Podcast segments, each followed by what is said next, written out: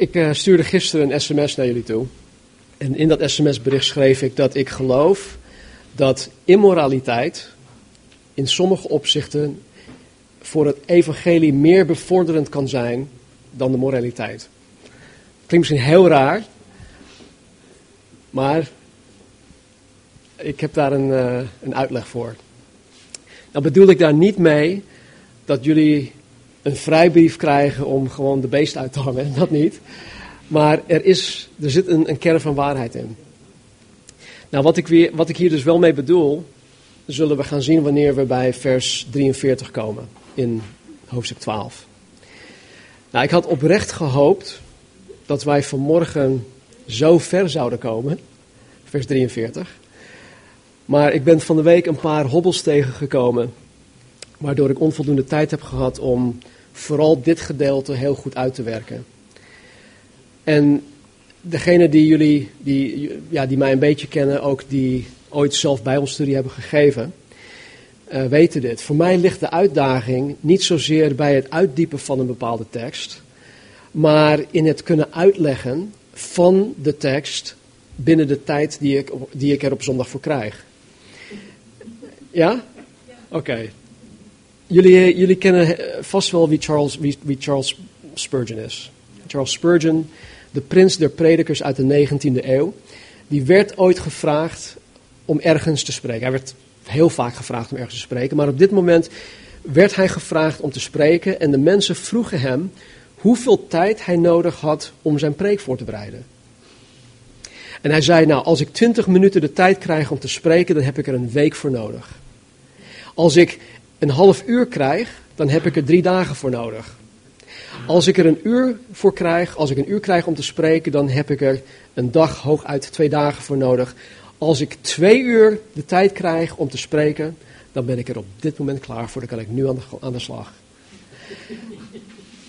De voorbereidingstijd is dus grotendeels afhankelijk van hoeveel tijd ik krijg om zoveel waarheid, want het is echt zo groot, om zoveel waarheid te kunnen uitleggen in 20 minuten tijd, of 30 minuten tijd, of 40 minuten tijd, of 50 minuten tijd. Mijn streven is altijd zo rond 35, 40, 40 minuten te spreken, anders uh, vallen jullie in slaap. Maar dat is dus de uitdaging. Nou, hoe dan ook, ik geloof dat mijn agenda door de Heer bepaald wordt. En als hij hier en daar wat hobbels op mijn weg plaatst, dan vind ik dat prima. Want ik voel me dan ook niet schuldig als ik er vandaag bijvoorbeeld niet aan toe kom om hoofdstuk 12 af te maken. Zoals ik dat had gehoopt. Oké, goed. Vorige week in Matthäus 12, vers 31 en 32 leerde Jezus ons dat er één zonde is. Één zonde die God nooit zal vergeven. En dat is de zonde tegen het overtuigend werk van de Heilige Geest, die de mens tracht te overtuigen dat Jezus de weg, de waarheid en het leven is. Het is zijn werk, het werk van de Heilige Geest. Hij tracht ieder mens, zelfs anno 2013, hij tracht ieder mens ervan te overtuigen dat Jezus de enige is die de mens kan vergeven van zijn zonde. Dat Jezus de enige is die de mens met God de Vader weer kan verzoenen. Dat is het overtuigend werk van de Heilige Geest. En als de mens de overtuiging van de Heilige Geest weerstaat, dan zal hij of zij als gevolg daarvan Jezus Christus verwerpen.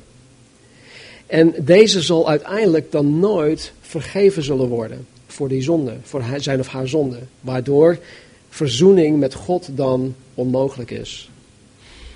Nou, in deze twee versen, vers 31 en 32, waarschuwt Jezus nadrukkelijk de schriftgeleerden en de fariseeën. Maar het geldt voor een ieder mens. Het geldt voor ieder mens. Het geldt, het ook voor ons, 2013. Nou, vanmorgen pakken we het in vers 33 op, waarin Jezus hen direct aanspreekt op hun zonde.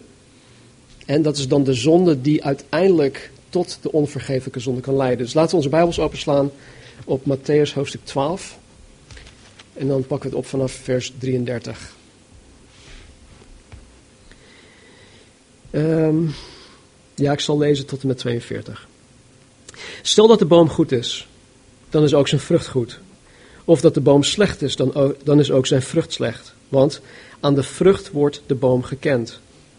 Adderengebroed, hoe kunt u goede dingen spreken terwijl u slecht bent? Want uit de overvloed van het hart spreekt de mond.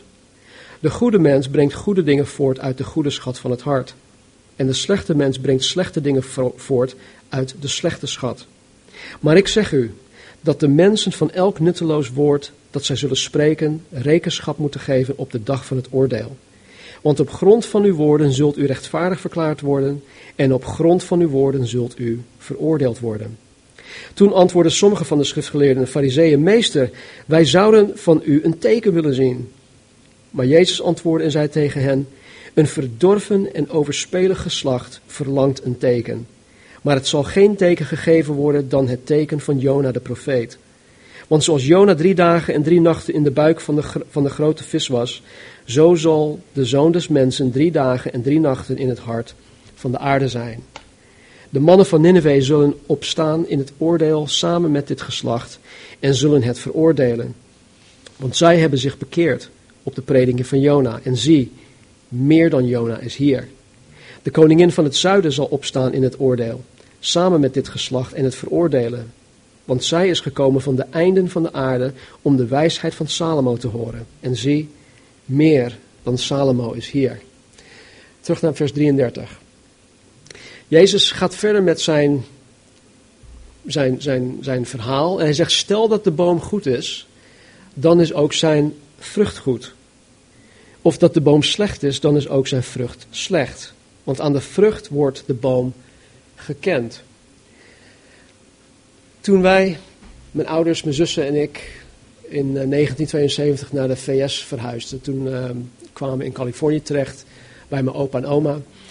En in een achtertuin hadden mijn opa en oma wel tien verschillende soorten fruitbomen. En ik herinner me nog dat ik als kind zijnde, wanneer de bomen dus nog niet in bloei stonden, uh, dat ik met mijn zus Linda echt aan het, ja, aan het kijven was over wat voor soort fruitbomen het waren.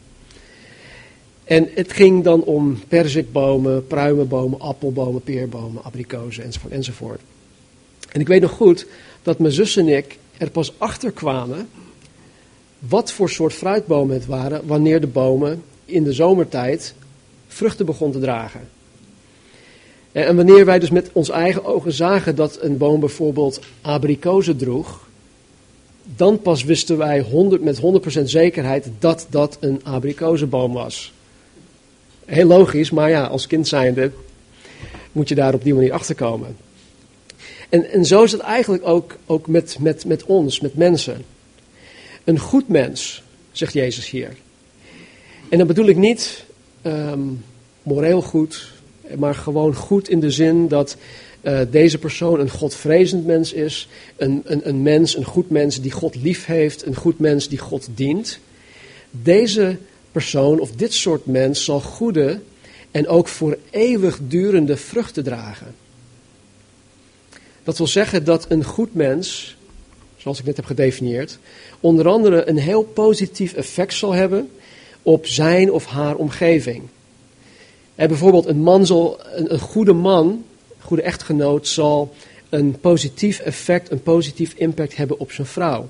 Of uh, de, de vrouw op haar man, of op hun kinderen, of hun broers en zussen in de kerk, op hun buren, familieleden, collega's, uh, noem maar op. En dan niet alleen een, een positief effect voor het leven hier op aarde, maar een positief effect en een impact dat het evangelie ook bevordert. Zowel hier op aarde, maar ook tot in de eeuwigheid. Als ik bijvoorbeeld met een gehuurd koppel een traject van huwelijkstherapie inga, dan is de impact die ik op hen wil hebben, oftewel de, de vrucht die ik wil dragen, niet zozeer dat zij quote-unquote happily ever after zullen gaan leven, maar dat zij Jezus Christus centraal zullen hebben staan in hun huwelijk. En dat zij Jezus door middel van hun huwelijk uit zullen gaan dragen naar anderen toe. Dat is primair. Natuurlijk is hun, is hun geluk en is hun, hun relatie belangrijk. Maar dit is de basis, dit is primair. En dit is, denk ik, goede vrucht dragen, oftewel een positief effect of impact hebben, dat het evangelie dan ook bevordert. Als Jezus centraal staat in een huwelijk, dan zal het huwelijk een getuige zijn voor Jezus Christus. Niet alleen man, niet alleen vrouw, maar beiden als een eenheid. Die zullen een getuige zijn van het evangelie. Het echtpaar zal vervolgens andere echtparen kunnen helpen om Jezus centraal te maken in hun leven. Dus het is, een, het, het is niet alleen uh, als ik met iemand uh, praat dat, dat het alleen dat, dat het einddoel is. Nee, ik kijk veel verder. Want zij zullen uiteindelijk hetzelfde gaan doen wat ik met hen doe, door anderen te gaan helpen. Vrucht dragen. En ja, een natuurlijk gevolg daarvan is dat zij alsnog zeer happily ever after zullen gaan leven. Gegarandeerd. Dus als ik zo'n effect of zo'n impact op een ander kan hebben, als ik dit soort goede vrucht kan dragen, dan is dat eigenlijk alleen maar doordat ik met of voor Jezus ben. Weet je nog, in, in, in vers 30 zei Jezus, je bent of met mij of tegen mij. Je, je, je, je doet of dit, je, je brengt samen met mij bijeen, of je drijft uiteen. In Johannes 15, in eh, vers 4 en 5 zegt Jezus dit. Blijf in mij en ik in u. Zoals de rank geen vrucht kan dragen uit zichzelf als zij niet in de wijnstok blijft, zo ook u niet als u niet in mij blijft. Ik ben de wijnstok, u de ranken. Wie in mij blijft en ik in hem, die draagt veel vrucht, want zonder mij kunt u niets doen. Het dragen van vrucht, of goed vrucht, is 100% afhankelijk van je relatie met Jezus. Het is 100% afhankelijk van je relatie met Jezus. En daarom zei Jezus ook in vers 30 van hoofdstuk 12: Wie niet met mij is, die is tegen mij. Wie niet met mij bijeenbrengt, die drijft uiteen. Bovendien dit.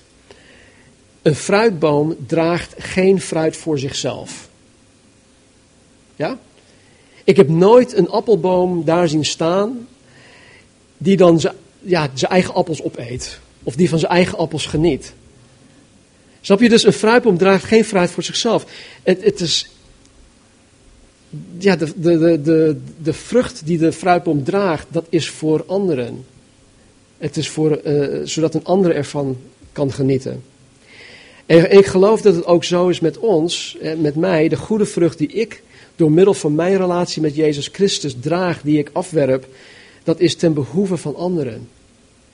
Als je, als je de brieven van Paulus leest, in 1 Korinthe bijvoorbeeld, in hoofdstuk 12, 13 en 14, dan heeft hij het over de geestelijke gaven. Dat is ten behoeve van anderen. Het is om de gemeente op te bouwen. Het, is niet voor jezelf. En zo is het ook met het dragen van vrucht. Het gaat om de ander. Liefde, 1 Korinthe 13. Gaat het om mezelf liefhebben? Nee, het gaat om de ander liefhebben. Het tegenovergestelde van het dragen van goede vrucht is het dragen van slecht vrucht. Een slecht mens, in dit geval, ja, dat wil zeggen dat een mens die dus niet godvrezend is, die geen relatie met Jezus heeft, deze persoon zal geen vrucht dragen dat het evangelie van Jezus zal bevorderen. Hij begrijpt niet verkeerd. Natuurlijk kan zo'n mens moraal gezien heel veel goed doen. Maar vanuit het eeuwig perspectief zijn hun vruchten slecht omdat zij niets voor een ander doen om hen of bij Jezus te brengen of hen dichter bij Jezus te brengen. Snap je? Vers 34. gebroed. hoe kunt u goede dingen spreken terwijl u slecht bent? Want uit de overvloed van het hart spreekt de mond. De goede mens brengt goede dingen voort uit de goede schat van het hart en de slechte mens brengt slechte dingen voort uit de slechte schat. Jezus had het hier tegen de, de fariseeën, de schriftgeleerden. En door de self-righteous, de, de, de in eigen ogen rechtvaardige fariseeën, de schriftgeleerden, andere gebroed te noemen, zegt Jezus dat zij eigenlijk het nageslag van Satan zijn. Het is geen, geen aardig woordje jegens de fariseeën en de schriftgeleerden. In Matthäus 3 noemde Johannes, Doper precies, Johannes de Doper hem precies hetzelfde. Hij noemde hem ook addergebroed. Nou, jullie weten, een adder is een slang, het is een giftige slang. En Jezus leert ons hier dat de schijnheiligheid, de huichelarij van deze schriftgeleerden en fariseeën, dat het giftig is. Het kan men doden. Niet misschien lichamelijk, maar het kan ons geestelijk leven doden. Het kan onze getuigenis doden. Het kan onze uh, impact, ons effect, het dragen van vrucht, kan dat helemaal doden. Laten we even verderop gaan in Matthäus naar hoofdstuk 23.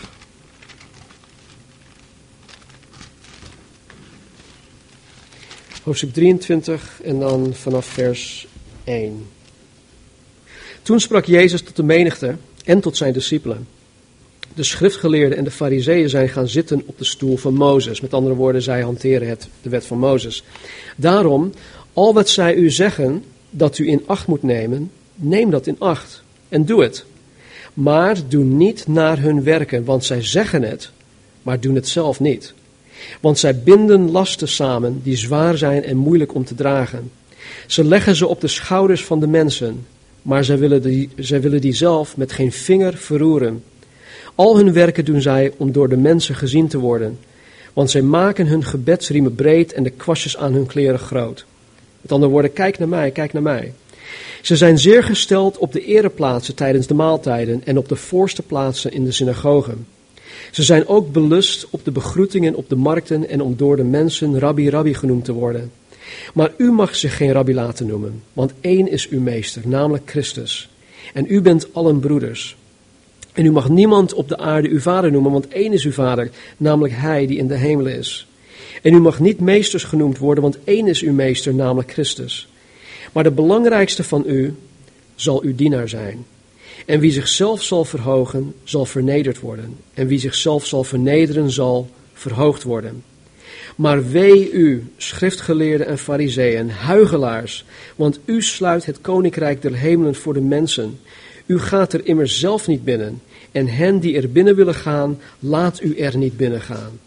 Wee u, schriftgeleerden en fariseeën, huigelaars, want u eet de huizen van de weduwen op, en voor de schijn bidt u lang, daarom zult u een des te zwaarder oordeel ontvangen. Wee u, schriftgeleerden en fariseeën, huigelaars, want u reist zee en land af om één proseliet te maken. En als hij het geworden is, maakt u hem een kind van de hel, dubbel zo erg als u. Wee u, blinde leiders, die zegt, heeft iemand gezworen bij de tempel, dan betekent dat niets. Maar heeft iemand gezworen bij het goud van de tempel, dan is hij aan die eet gebonden. Dwazen en blinden, want wat is meer, het goud of de tempel, die het goud heiligt? En heeft iemand gezworen bij het altaar, dan betekent dat niets. Maar heeft iemand gezworen bij de gave die daarop ligt, dan is hij aan die eed gebonden. Dwazen en blinden, wat is, want wat is meer, de gave of het altaar, dat de gave heiligt? Wie daarom zweert bij het altaar, die zweert daarbij en bij alles wat daarop ligt. En wie zweert bij de tempel, die zweert daarbij en bij hem die daarin woont. En wie zweert bij de hemel, die zweert bij de troon van God en bij hem die daarop zit. Wee u schriftgeleerden en fariseeën, huigelaars, want u geeft tienden van de munt, de dille en de komijn, en u laat het belangrijkste van de wet na, het recht en de barmhartigheid en het geloof. Deze dingen zou men moeten doen en die andere dingen niet nalaten. Blinde leiders die de mug uitzift, maar de kameel doorslikt. Wee u schriftgeleerden en fariseeën, huigelaars, want, want u reinigt de buitenkant van de drinkbeker en van de schotel, maar van binnen zijn ze vol van roofzucht en onmatigheid. Blinde fariseer, reinig eerst de binnenkant van de drinkbeker en de schotel, zodat ook de buitenkant daarvan rein wordt.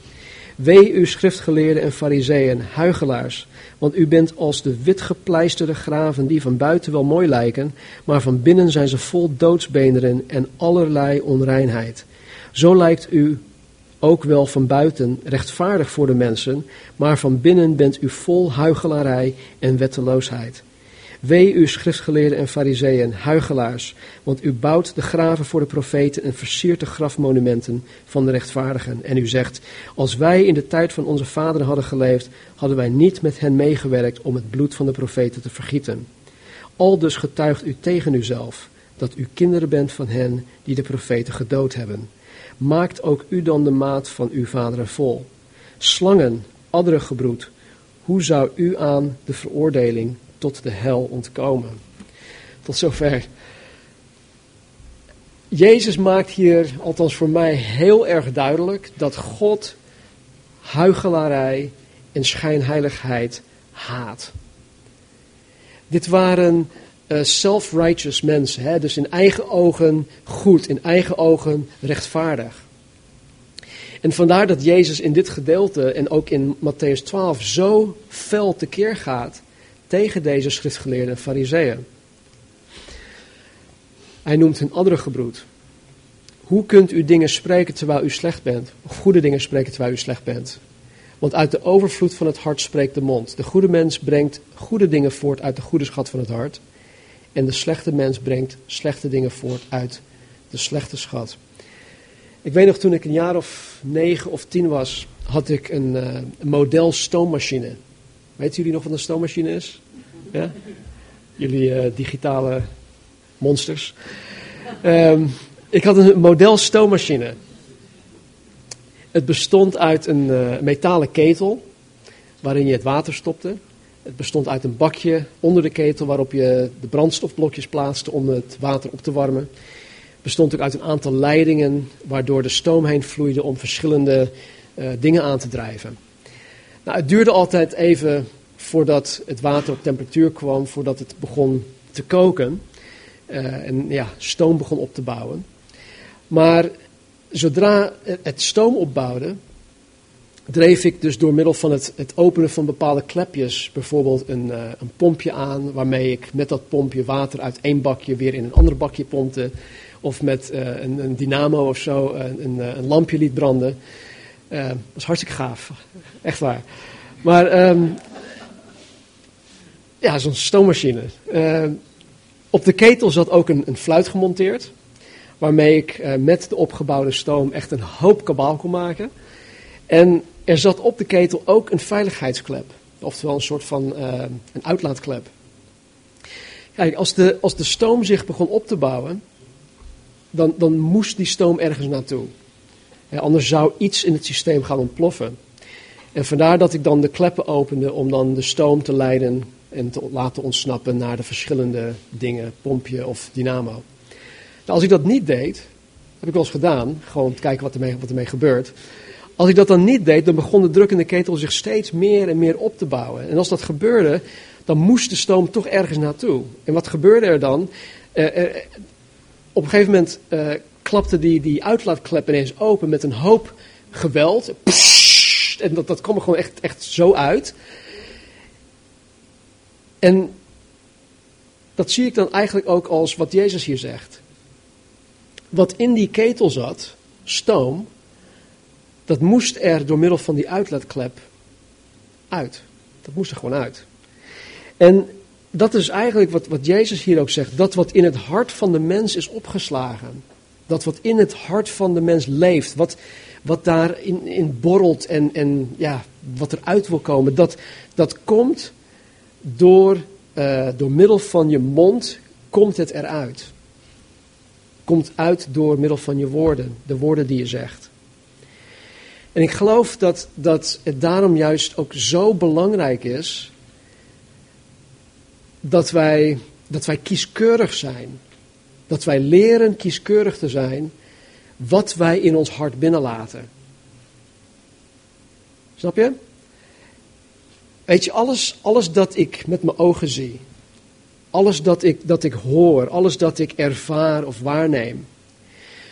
Al die dingen, al die indrukken, die, die worden in de schatkamer van mijn hart opgeslagen.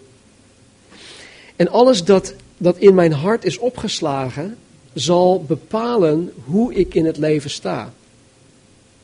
Alles wat in mijn hart is opgeslagen, zal bepalen hoe ik, hoe ik God zie. Hoe ik mensen zie, hoe ik mijn vrouw zie, hoe ik mijn kinderen zie, hoe ik jullie zie. Het is echt bepalend. Als ik bijvoorbeeld, um, als ik me overgeef aan, aan mijn lust en ik kijk naar pornografie, dan sla ik die beelden, ik sla die geluiden, die sla ik uh, op in mijn hart. En dan worden mijn verwachtingen van seks gebaseerd op wat ik dan in mijn hart heb opgeslagen. Mijn verwachtingen van seks, hoe ik vervolgens denk dat seks hoort te zijn, wordt dan door de pornografische beelden en geluiden bepaald. Vervolgens zal ik mijn vrouw Marnie, die is er nu niet, maar die zit meestal daar. Eh, vervolgens zal ik Marnie dan totaal anders gaan zien. want zij kan niet en zij zal nooit voldoen aan deze bedorven verwachtingen die ik dan krijg, doordat ik dat in mijn hart heb binnengelaten. En dat zal uiteindelijk tot uiting komen in hoe ik tegen haar praat, hoe ik met haar omga, wat ik van haar verwacht. En weet je, onze vrouwen die kunnen niet concurreren met die, die, die beelden. En dat, die leugen is zo groot. Onze vrouwen die kunnen niet concurreren daarmee. En dat hoeven ze ook niet. Wij, wij, wij, wij moeten onze vrouwen nooit in die positie plaatsen waardoor zij zich zo voelen dat zij zich moeten gaan concurreren met, met iets dat niet echt is. In Spreuken 4:23 staat dit. Bescherm je hart boven alles wat te behoeden is. Bescherm je hart boven alles wat te behoeden is. Want daaruit zijn de uitingen van het leven. Ik kan het niet genoeg benadrukken dat je zo kieskeurig moet zijn over wat je in je hart binnenlaat. Vers 36. Maar ik zeg u dat de mensen van elk nutteloos woord dat zij zullen spreken rekenschap moeten geven op de dag van het oordeel. Want op grond van uw woorden zult u rechtvaardig verklaard worden en op grond van uw woorden zult u veroordeeld worden. Kijk, het, gaat God echt niet per se om de woorden. En maar het gaat God om wat in je hart leeft.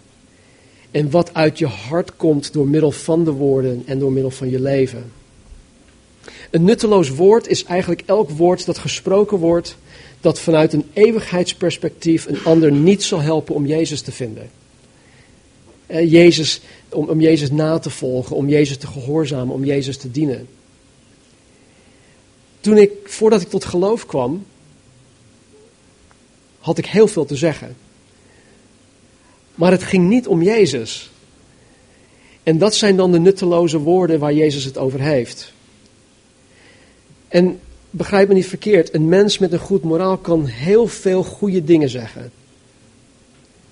ik, heb, ik heb mensen om me heen, mensen die ik ken, vrienden die ik ken, die niet met Jezus wandelen, die, die, die adviseren mij, die komen soms met heel goed advies. En ze hebben hele goede dingen te zeggen. Maar nogmaals, vanuit het oogpunt van het evangelie, als die persoon met zijn of haar woorden een ander mens niet met overtuiging kan vertellen dat, uh, dat, dat Jezus de enige weg is, of de waarheid over Jezus, of de waarheid van Gods woord, Gods woord, dan zal al zijn of haar woorden nutteloos zijn. En aan de hand van de woorden die men spreekt, de woorden die de hartsgesteldheid van de mens laat zien, de woorden die voortvloeien vanuit een relatie met Jezus, dat zal de mens op de dag van het oordeel of gerechtvaardigd verklaren of veroordeeld. Nou, even dit. Jarenlang dacht ik, oh, ik moet echt goed op mijn woorden letten, want ik zou alsnog veroordeeld kunnen worden. Ja, absoluut. We moeten heel goed op onze woorden letten. Het is beter om één goed woord uit te spreken dan twintig of dertig woorden die geen nut hebben. Maar het zal niet zo zijn dat ik alsnog als christen zijnde veroordeeld zal worden omdat ik onverhoopt nutteloze dingen zeg. vraag het maar aan Marnie, soms kraam ik wel eens hele domme dingen uit. Maar God zal mij daarvoor niet veroordelen in die zin dat ik dan buitengesloten word uh, van zijn koninkrijk. Want kijk, ik, maar jullie ook, wij zijn door genade, door ons geloof in Jezus Christus gerechtvaardigd. Wij zijn gerechtvaardigd, 100%. Als God naar mij kijkt, naar jullie kijkt, die in Christus zijn, dan ziet Hij jullie in Christus als 100% gerechtvaardigd. Punt uit. Wij behoren God toe. En God heeft ons van alle domme dingen die we ooit hebben gezegd of die wij ooit nog zullen gaan zeggen vergeven. Toen, vers 38, antwoordden sommige van de schriftgeleerden en de fariseeën, meester, wij zouden van u een teken willen zien. Weet je, toen ik dit las, dan, eh, ja, ik, ik lachte eigenlijk een beetje. Want Jezus heeft zoveel tekenen laten zien. Hij heeft zoveel tekenen laten zien dat hij de Messias is. Denk even aan alle genezingen. Genezingen van melaatsen, van verlamden, van blinden, van doven, van doofstommen. Mensen die hij uit de dood had opgewekt. Mensen die hij daadwerkelijk had bevrijd van demonische machten, demonen. Eh, de wonderbare spijziging, het, het veranderen van water in wijn, enzovoort, enzovoort. Er zijn zoveel dingen die Jezus gedaan heeft, die bewezen hebben dat hij Messias is. En dit hebben de schriftgeleerden en de fariseeën allemaal meegemaakt. Zij hebben deze dingen eh, van Jezus allemaal met eigen ogen kunnen zien, of gezien. En nu vragen zij hem om nog een teken. Nou, het teken die, dat ze, of waar ze naar vragen, is eigenlijk een teken in de hemelen. ze willen iets, iets spectaculair zien. Ze willen dat Jezus iets met de maan doet, of met de zon doet, of met de sterren doet. Ze willen echt iets zien van, oké, nu geloof ik het pas. Als, als, je, als jij dit doet, dan ga ik pas geloven. In de grondtekst staat er letterlijk dat zij aan Jezus vroegen om zich te legitimeren. Legitimeer jezelf.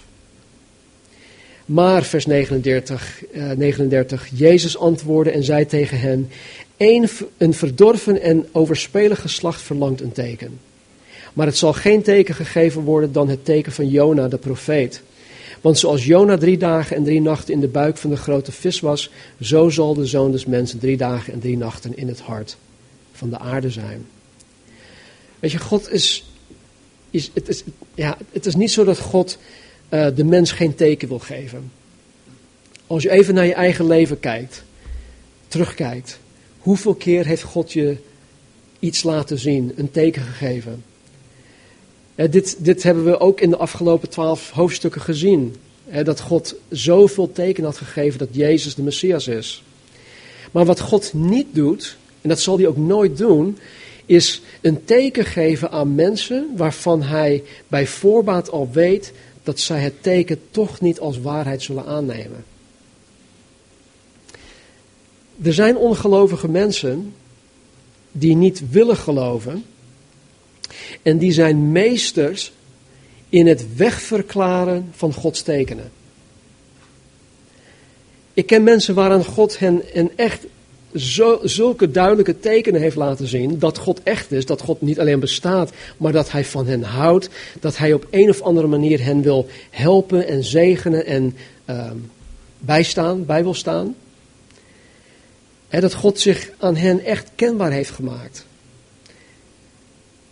Maar dat zij dat gewoon niet in willen zien. Ik zie het wel. Maar zij willen dat niet zien. Dus het probleem hier was dat de schriftgeleerden en de fariseeën en de rest van de joden in Jezus tijd onwillig waren om de tekenen te geloven. Maar ondanks dat zegt Jezus dat hij zichzelf uiteindelijk zal gaan legitimeren door op te staan uit de dood. Dat is echt, echt het ultieme bewijs dat Jezus is wie hij beweert te zijn. Dat hij opgestaan is uit de dood. En dat is geen fabeltje.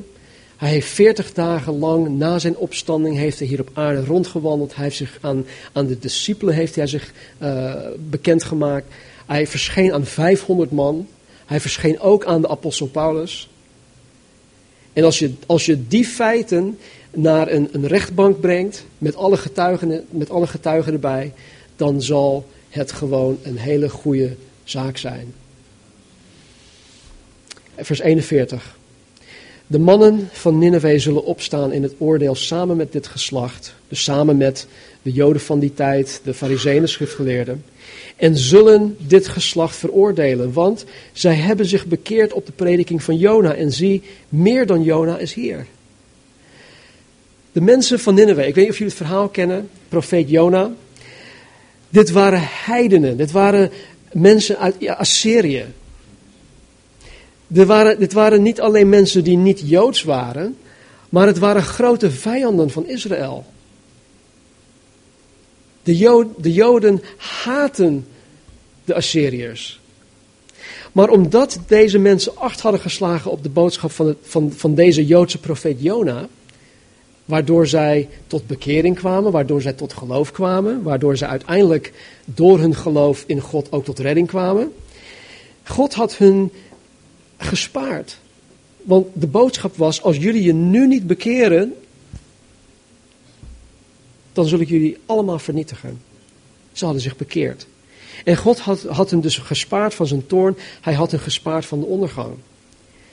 En ondanks dat zij vijanden van Gods volk Israël waren, omdat zij tot geloof in God waren gekomen, zal hun getuigenis deze ongelovige schriftgeleerde fariseeën en joden van die tijd veroordelen. Zij zullen hen gaan veroordelen.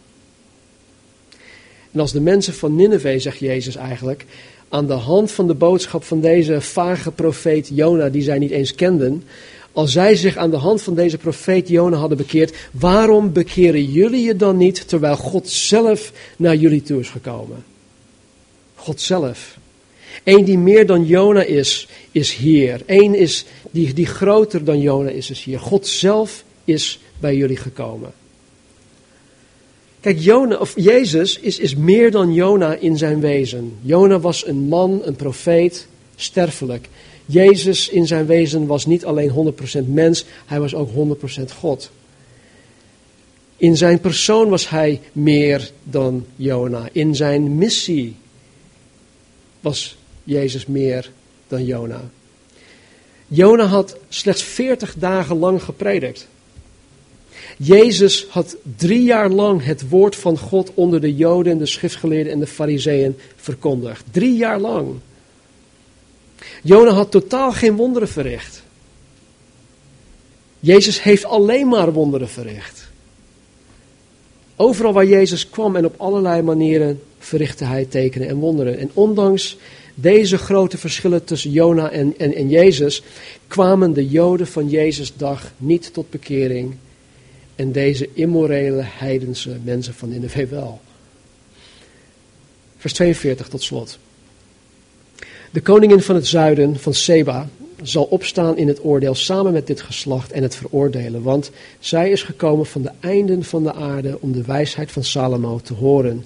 En zie, meer dan Salomo is hier. Het is ook een mooi verhaal, dat kan je teruglezen in 1 Koningen hoofdstuk 10. Want daar staat het verhaal van deze koningin van Seba, die zo'n 2400 kilometer heeft afgereisd om naar Jeruzalem toe te gaan om koning Salomo te horen. In die tijd kon je niet naar een website toe gaan en een mp3'tje beluisteren of een mp3'tje gedownloaden. Nee, eh, er was geen Vimeo, er was geen YouTube. Nee, je moest met kameel of met ezel of op voet moest je daar naartoe gaan. En zij heeft 2400 kilometer van uh, wat, wat, wat vandaag de dag Jemen is, helemaal naar Jeruzalem toe gegaan om Salomo te horen. En volgens Jezus is deze vrouw, deze koningin, tot geloof gekomen. Waardoor ook haar getuigenis deze ongelovige Joden zullen gaan veroordelen. De, denk hier even over na. Hè? Zij heeft 2400 kilometer moeten afreizen om het evangelie te ontvangen. 2400 kilometer. Daarentegen kregen de Joden in Jezus' tijd het evangelie gewoon boem in hun schoot geworpen.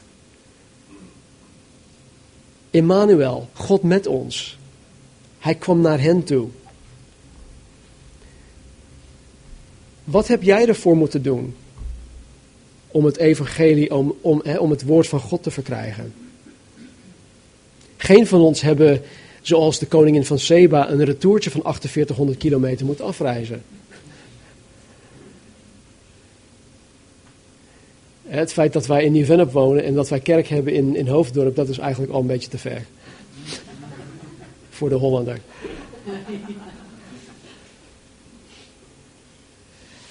Wat heeft God de afgelopen maanden of jaren van zichzelf aan jou laten zien?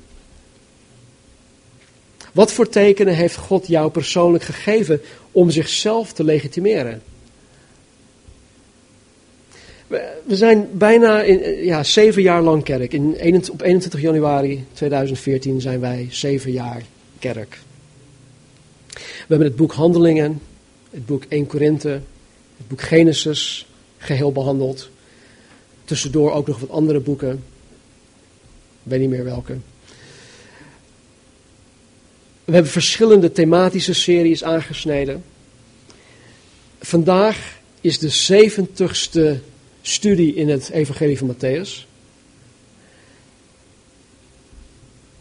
Salomo was de meest invloedrijke, de allerrijkste, de meest wijze koning in heel de geschiedenis van Israël. Maar één die veel groter is dan Salomo, is hier in ons midden. Wat heeft God ons allemaal laten zien de afgelopen zeven jaar? Wat voor tekenen heeft Hij ons gegeven? Hoe heeft God tot ons gesproken? Hoe heeft onze grote God zich aan jou bekendgemaakt? Hoe heeft Jezus zich gelegitimeerd? En dan de hamvraag is, wat heb je ermee gedaan? Mijn gebed of mijn gebeden die, die veranderen nu. Tot op, tot op heden was het altijd, o Heer, laat, uh, leid mij alstublieft. Leid mij naar de plek waar u mij hebben wil. En God zegt, oké, ik, ik ben je al die tijd al aan het leiden, kom nou, kom nou. Maar nu is mijn gebed niet, Heer, leid mij. Nu is mijn gebed, Heer, help mij om mezelf te onderschikken aan uw leiding. Dat is een heel ander gebed. Weet je, en wij moeten, wij, wij moeten, als wij verder willen gaan, dan moeten wij gewoon niet alleen vragen, Heer, leid ons, Heer, voorzie, Heer, doe dit, Heer, doe dat, maar Heer, help mij om samen met u te werken, om in samenwerking met u het evangelie te gaan bevorderen. Ik geloof echt dat God met ons het fundament aan het bouwen is, aan het sterken is, opdat Hij op dat fundament kan gaan bouwen. Jezus Christus bouwt de gemeente. Maar Hij is nu bezig met het fundament. En ik vind het zo mooi dat, dat op zijn tijd, langzamerhand, dingen boven water komen. Dingen waarmee God klaar wil komen. Dingen die God uh, wil verhelpen in een ieder van ons leven. Om ons allemaal klaar te stomen voor de oogst. Bid voor arbeiders voor de oogst. Begin bij jezelf. Laten we bidden. Vader, dank u wel dat u zo oneindig groot bent. Een grotere dan Jona. Een grotere dan Salomo. En dat u hier in ons midden bent. Heer, dat u zelfs in ons woont. Met uw Heilige Geest. Dank u wel daarvoor. Dank u voor uw woord. Dank u voor het feit dat Jezus zo radicaal is. En dank u, Heer, dat u onze ogen, onze harten, ons verstand ook opent en verlicht, opdat we de stem van Jezus, de stem van de Heilige Geest mogen en kunnen verstaan. Dus Heer, waar u vanmorgen tot ons gesproken hebt, Heer, help ons alstublieft om ons te onderwerpen aan uw gezag, aan uw wil, aan uw woord. Breek de dingen in ons af, Vader, die nutteloos zijn. Help ons, Heer. Zoals Jezus ook zei, ik moet me bezighouden met de dingen van de Vader. Help ons, Heer. En Jezus, ik geloof echt dat u uw gemeente aan, aan het bouwen bent. Dat wij levende bouwstenen zijn. En dat u op dit moment, Heer, deze levende bouwstenen aan het voorbereiden bent. Voor een toekomstig bouwwerk, Heer, dat wij niet zullen geloven of beseffen.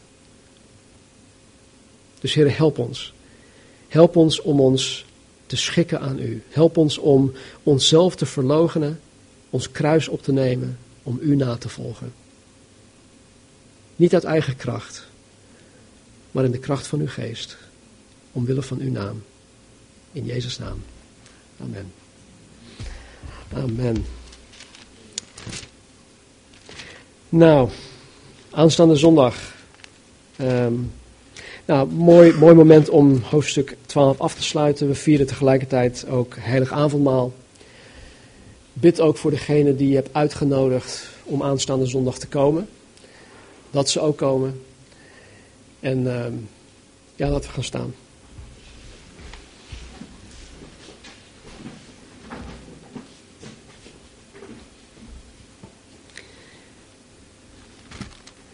Er staat in Hebreeën een heel mooi stuk ter afsluiting van de brief. Je ziet het ook als een zegenbede. En er staat de God nu van de vrede, die de grote herder van de schapen, onze Heer Jezus Christus, uit de doden heeft teruggebracht. Op grond van het bloed van het eeuwig verbond, mogen u toerusten tot elk goed werk om zijn wil te doen. En in u werken wat in zijn ogen wel behagelijk is. Door Jezus Christus, hem zij de heerlijkheid in alle eeuwigheid. Amen. God zegen jullie.